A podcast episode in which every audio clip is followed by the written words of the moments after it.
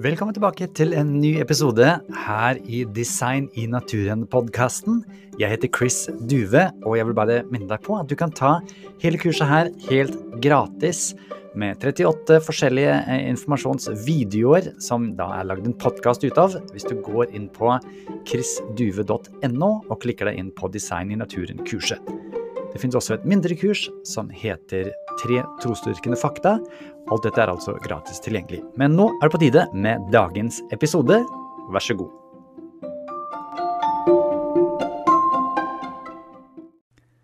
Hei, det er Chris her, og i denne leksjonen skal det handle om Darwin, Hitler og Marx. Og denne leksjonen er altså dobbelt så lang som det står i teksten, for å kunne holde eh, oversikten. Darwin var jo ingen nazist, og de fleste som støtter revolusjonen i dag, støtter jo heller ikke alt det som Darwin og hans etterfølgere sto for. Det er mange kristne som tror på evolusjon, f.eks. Men jeg ønsker å se om det kan være noen historiske sammenhenger når det gjelder ideologien. Derfor skal vi se på om Darwin hadde påvirkning på Hitler og Marx i denne leksjonen. Bestefaren til Darwin hadde allerede en evolusjonsteori, og han skriver i Sunomia om hvordan ting skulle bli bedre og bedre, og at eh, vesenene skulle gi deres forbedringer videre til neste generasjon. World without end, alt skulle bli så bra. Spørsmålet var bare hvordan skulle forbedringene gis videre? Og det hadde jo Darwin da et svar for det var i striden for livet, eller som han skrev, in the struggle, altså i kampen om livet, om overlevelsen. Dette ble etter hvert anvendt på eh, mennesker, og det kunne også styres, fant folk ut.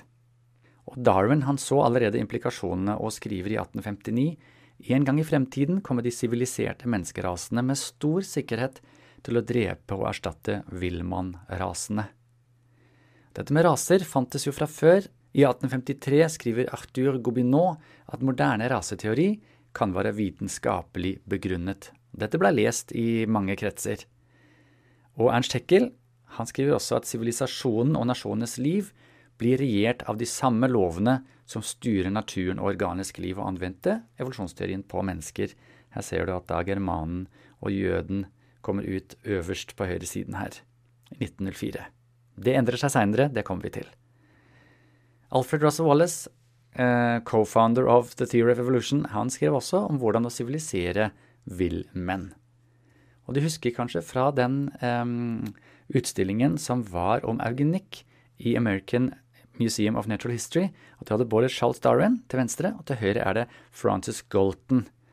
Han var grunnleggeren av dette med eugenikk. Han ble også nevnt av Nikolai Nørstegård i sin masteroppgave på NTNU, hvor han skriver om eh, Egil Rians, som var psykiater, nazist og redningsmann. Og der står det om Francis Galton at han tok utgangspunkt i Darwins teori og utviklet eugenikk. Dette sprer seg i veldig mange land i Europa og i USA, og 1904 oppretter den tyske legen Alfred Plötz et institutt for rasehygiene i Tyskland. Så kommer det i Norge, så kommer det i Sverige. Og den eh, vitenskapelige kretsen som han fikk tildelt, han Plötz, de var stort sett darwinister. Og han var imot det kristne og sosialistiske budskapet om å ta vare på de svake, og at man heller skulle avlive sjuke nyfødte barn for å forbedre menneskerasen. Og slik skulle folket få tak i det. Det er kun sunn sæd som skal uh, sås.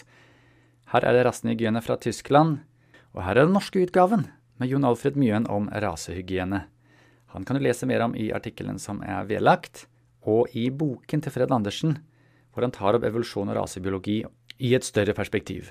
Så at den beste skulle vinne fram, det hadde mye å si for menneskene. Etnolog Fridrik Helvand skriver i 1875 akkurat som evolusjon og perfeksjon er det drivende prinsippet i naturen i kampen om overlevelse, slik gir også i verdenshistorien ødeleggelsen av de svake nasjonene ved de sterke en retning av fremgang. Det er positivt.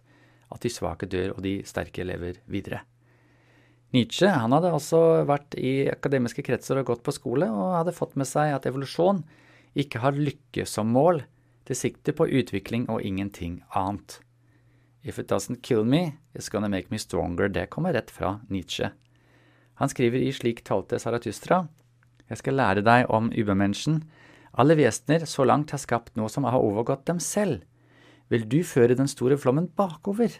Vil du heller bli dyr igjen enn å overvinne mennesket? Hva er apen for mennesket? Latterlig og pinlig. Slik skal også mennesket være for ubermennesken, latterlig og pinlig, for da har ubermennesken gått videre. Mennesket er noe som skal overvinnes. Du har gått en vei fra mark til mann, og mye deg er fortsatt merk. En gang var dere aper. Enn i dag er mann mer en ape enn noen ape. Ubermensch er meningen på jorden. Dette å komme seg videre, det var hele grunntanken. Og det måtte skje på forskjellige måter, og da skriver zoolog Gustav Jæger i 1870 krigen om utslettelse er en naturlig lov. Uten den kunne den organiske verden ikke fortsette å eksistere i det hele tatt. In 1912, German General Friedrich von Bernhardi published his bestseller, Germany and the Next War. Bernhardi argued that the struggle for existence is, in the life of nature, the basis of all healthy development. Therefore, war is a biological necessity. Similar ideas could be found among the military leaders of the Austro-Hungarian Empire. Count Franz Conrad von Hotzendorf has been called by one scholar the architect of the apocalypse for his formative role in World War I. The chief of the General Staff of the Austro-Hungarian Empire, von Hotzendorf, read Darwin as a young officer, and he soon applied the Darwinian worldview to his ideas about foreign relations. After World War I started, many German thinkers invoked Darwinian theory to justify the conflict, including prominent zoologist Ernst Haeckel, previously a pacifist. Once it got going, there were many people who argued that it was a uh, part of the Darwinian struggle for existence. Ernst Haeckel even wrote a book during the war in which he called it part of the struggle for existence, in which he argued that the perfidious French were using uh, black colonial troops uh, against the superior Germans. Uh, and he found that horrifying uh, that they would do such a thing. Uh, and so there were many people who were justifying the, the war on uh, a, uh, as, as part of the Darwinian struggle for existence. In the end, Germany and its allies lost the First World War. But the ideology of social Darwinism that inspired its academic and military leaders survived for another day.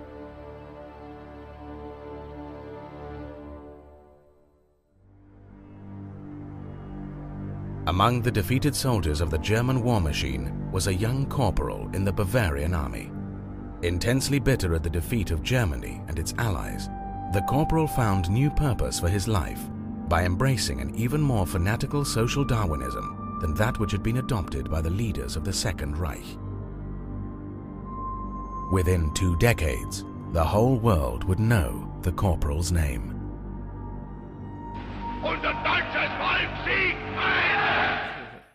La oss høre med Adolf Hitler selv. Han skriver i Mein Kampf Vår planet har kretset gjennom eteren i millioner av år, uten mennesker, og slik kan det bli igjen, hvis menneskene glemmer at det ikke er noen forrykte ideologier de har å takke for sin høyre eksistens, men erkjennelse av hensynsløs bruk av beinharde naturlover. Og det er dette som er sosialdarwinisme, Darwin sine tanker anvendt på mennesker. Jonathan Glover skriver i A Moral History of the 20th Century Sosialdarwinisme fortsatte å blomstre i de tysktalende områder, sammen med Mendels genetikk, han munken ikke sant, som fant ut av det, tenkte mange at dette ga vitenskapelig grunnlag for eugenikk og rasehygienebevegelsen. Og det er jo denne tyske mannen de ville ha fram. Og for å undervise om det, så brukte de silkelarver i undervisningen for å lære barna om nazistenes rasehygiene. Læreren viste barna at det var opplagt at å avle videre på de som klarte seg bra, kunne bare bli suksess dersom de sjuke og svake utgavene ble sortert bort tidlig, skriver Jon Monhaupt i Tire im Nationalsozialismus. Og det gjaldt også mennesker. Her er det undervisning om raser. Her er det coveret på en av skolebøkene hvor Adolf Hitler sier den som vil leve, må kjempe. Den som ikke vil stride i denne verden, har ikke fortjent å leve. Her er undervisningsmaterialet. Til venstre de ariske barna, til høyre jødene. For å unngå disse farlige blandingene anbefalte da Helsedirektoratet i Tyskland at man skulle velge seg rett person å gifte seg med, sånn at man kunne avle seg fram til den nordiske rase. For da blei det lykkelige hjem og gode arveegenskaper og et friskt, ungt folk. Hvis man ikke fulgte det, da blei det funksjonshemning. Og hvem vil vel ha skyld i det? for det koster penger for den tyske stat. Heckel grunnla på den tiden Deutsche Vaterlandspartei. Det var høyreradikalt, det var antisemittisk, det var nasjonalistisk, og det var rasistisk på raseideologisk grunnlag og vitenskapelig grunnlag. Stephen J. Gold han skriver om Heckel at hans evolusjonsrasisme, hans kall til det tyske folket for raserenhet, hans tro på at tøffe evolusjonens uutgrunnelige rover regjerte både menneskelig sivilisasjon og naturen, ga utvalgte raser retten til å dominere andre, og alt dette bidro til nazistenes fremvekst. Susan Spurr sier i bokanmeldelsen om Hitlers Dogs nazistenes fanatiske rasisme blei en grundig etablert del av hverdagslivet og samfunnet, og fra det utgangspunktet var det bare et kort steg videre til drapet på millioner av mennesker som var uverdige, jøder, sinti, roma, funksjonshemmede og politiske motstandere. Og jeg lurte jo i min oppvekst lenge på hvordan mitt folk, jeg er født i Tyskland, kunne bli forført til å bli med på disse forferdelige handlingene mot andre mennesker. Ikke bare krig, men den utslettelsen av jøder, av funksjonshemmede osv. Og, og dette er altså årsaken. Det var forberedt gjennom det tankegodset som lå der fra før, som ikke var nazistisk i utgangspunktet, men som hadde denne rasebiologien oppi seg. Richard Weichert han har en veldig god artikkel om det, som du kan lese i leksjonsteksten. Fordi en depresjon og en tapt verdenskrig og tapte områder er ikke nok for å lage denne ideologien. Du må ha et tankegods. Han går veldig vitenskapelig fram med masse sitater. Det er verdt å lese. For noen vil jo si et blankt nei om Hitler hadde blitt påvirket av Darwin, og sier at det er jo bare en konspirasjonsteori fra kreasjonistene for å sverte evolusjon. Men la oss se igjen på hva Adolf Hitler skriver selv. I Mein Kampf, som er kampen, skriver han først om dyrets evolusjon. Han skriver Kampen om det daglige brød lar alt svakt og sykelig og mindre besluttsomt bukke under, mens hanndyrets kamp om hunndyret bare gir den sunneste retten eller muligheten til å pare seg. Men kampen det ser han som positiv. Det er alltid et middel til å fremme artens helse og motstandskraft, og dermed gjøre at den utvikler seg til et høyere stadium. Og det er jo grunnlaget det både Darwin og Heckel sier, at man utvikler seg videre fra aper og til det som er i dag.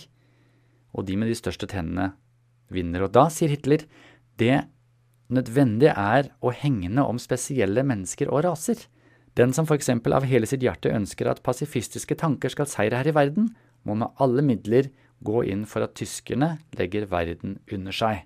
Det er rett og riktig.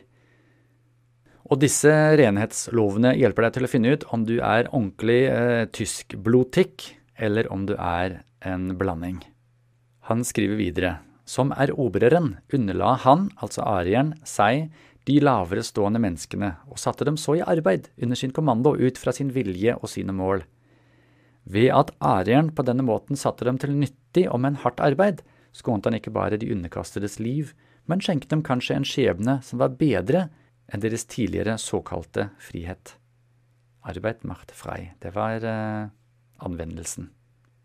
Hanna Arendt sier det rett ut i The Origins of Totalitarianism, den underliggende troen på raselover som et uttrykk for naturens lov i mennesker er Darwins idé om mennesket som et produkt av naturlig utvikling.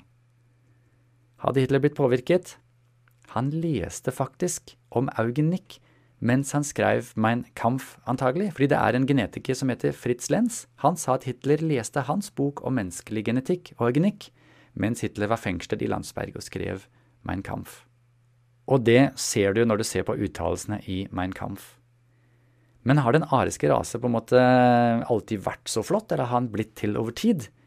I en tale som het Derfor er vi antisemitter, sa Hitler allerede i 1920 at den nordiske rase har utviklet sine nøkkelkarakteristikker, spesielt hardt arbeid og sterk moral, men også fysisk styrke, på grunn av det tøffe nordiske klimaet siden kun den sterkeste, flittigste og mest samarbeidsvilligste hadde overlevd og kunne avle sine egenskaper videre. De svake og late døde ut.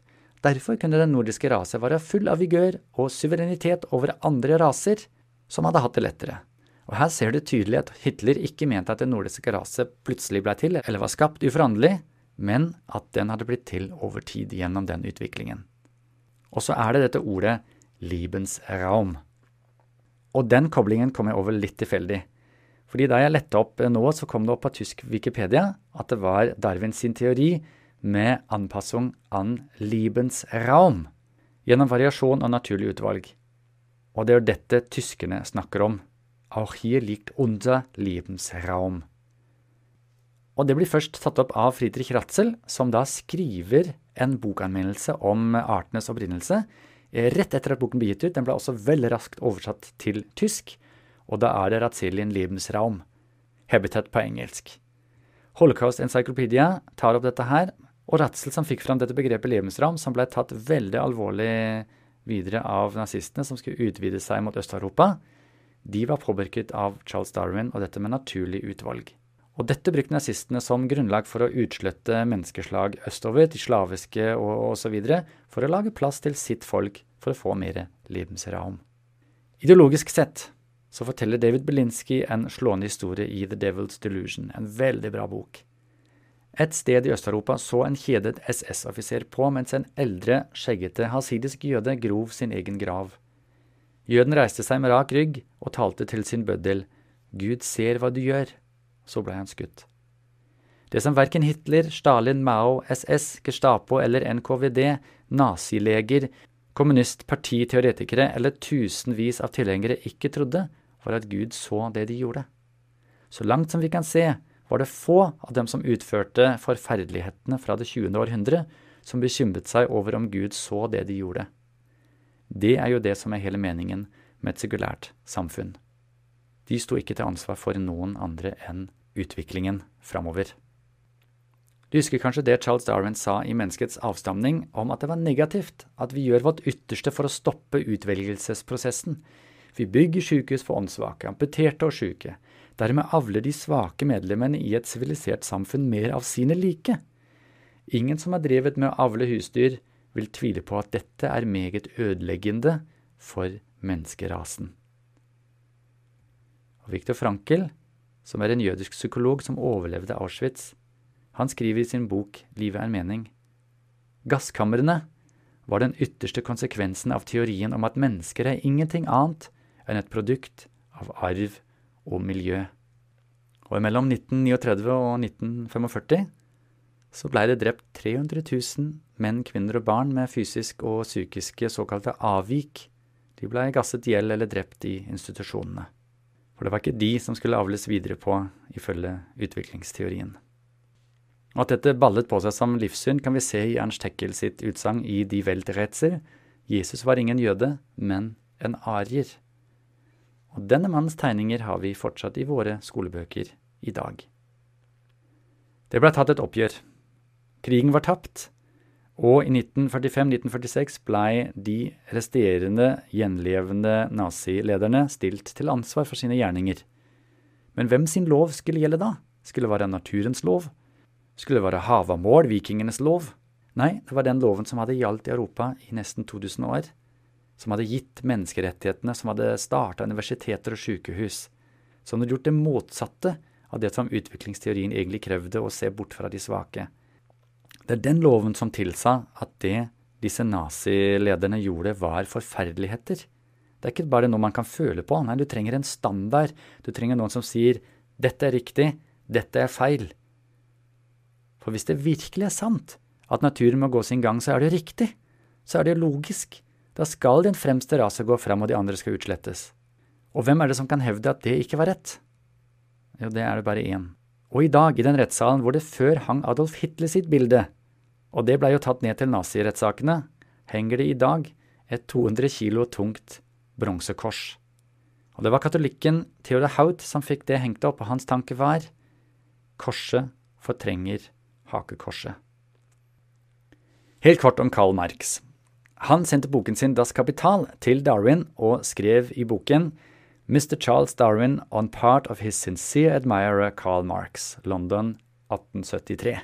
Han likte Darwin, mer eller mindre, og han sa til Engels, som han jo samarbeida med om å lage kommunistteoriene, at denne boken er grunnlaget for den naturlige historien som bygger opp under vårt syn. Nå var ikke Marx og Engels enig i alt Darwin sa, men til og med i begravelsen til Marx så sier Engels slik som Darwin oppdaget evolusjonsloven for organisk natur, oppdaget Marx evolusjonsloven for menneskehetens historie. Marx, Engels, Lenin og Stalin blir ofte vist sammen som fedrene for kommunismen. Og Engels, han, står det i Store norske leksikon, la seg påvirke videre av utviklingslæren til Darwin. Og hans bøker igjen påvirker Lenin. Stalin han var veldig glad i å lese bøker som ung gutt, leste masse. Og en gang så ligger han ute på plenen med sine venner og snakker eh, om hvor urettferdig det var at det fantes rike og fattige. Da skriver Simon eh, Seabeg Montefiore i Young Stalin Plutselig overrasket Stalin alle sammen. Gud er ikke bare urettferdig, han fins ikke, vi har blitt lurt. Hvis Gud fantes, ville han laget verden mer rettferdig. Så-så, for det var det de kalte ham for. Hvordan kan du si slike ting? spurte en av vennene. Jeg skal låne deg en bok, så skal du se. Og boken han viste frem, det var Darwins bok. Stalin sier i en tale til den 15. partikongressen i desember 1927 Vårt parti er en levende organisme. I alle organismer foregår det et stoffskifte. Det gamle, utdaterte dør bort. Nye, voksende ting blomstrer og utvikler seg. Og dette med at ting dør bort, det tok han veldig på alvor. Og i Kina var Darwins påvirkning også til stede, skriver professor James Pusey.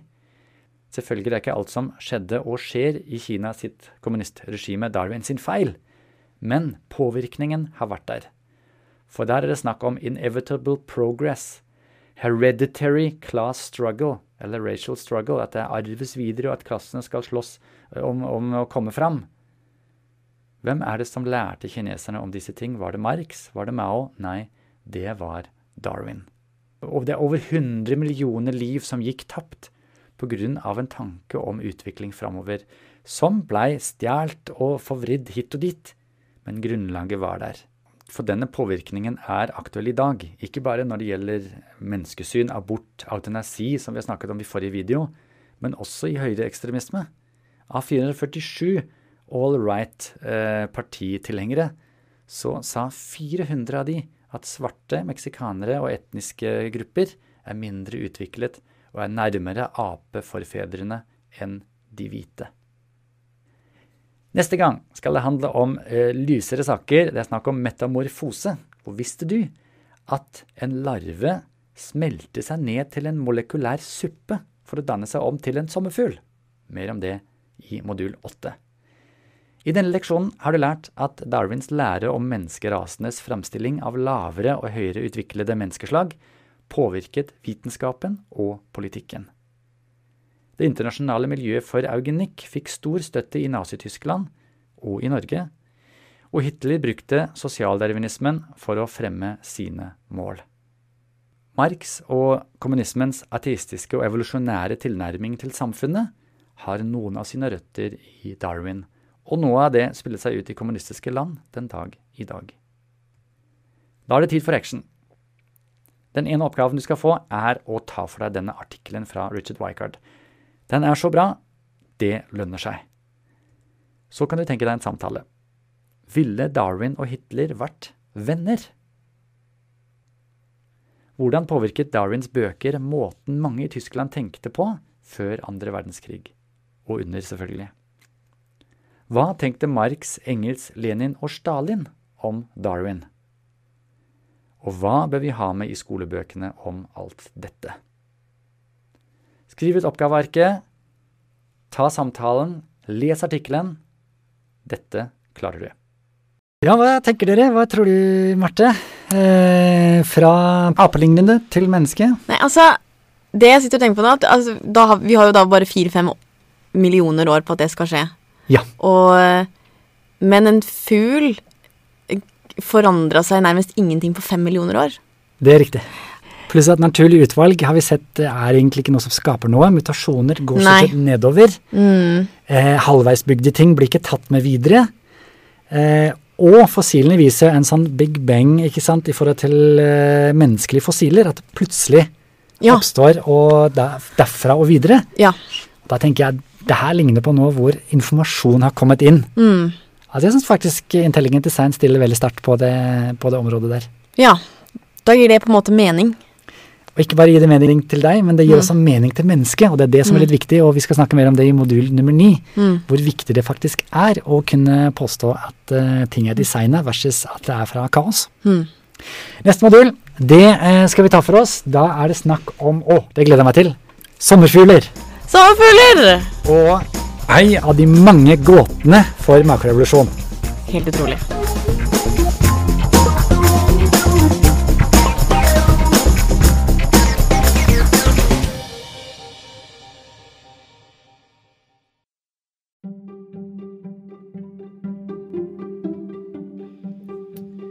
Igjen, dersom du ønsker å få tilgang til de hjelpearkene eller oppgavearkene, så er det jo fullt mulig for deg å signe opp til kurset. Da går det an å laste det ned. Hvis du går inn på chrisduve.no, så ser du all informasjonen der.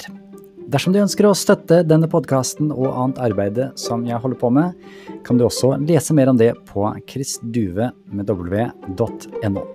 Takk for nå.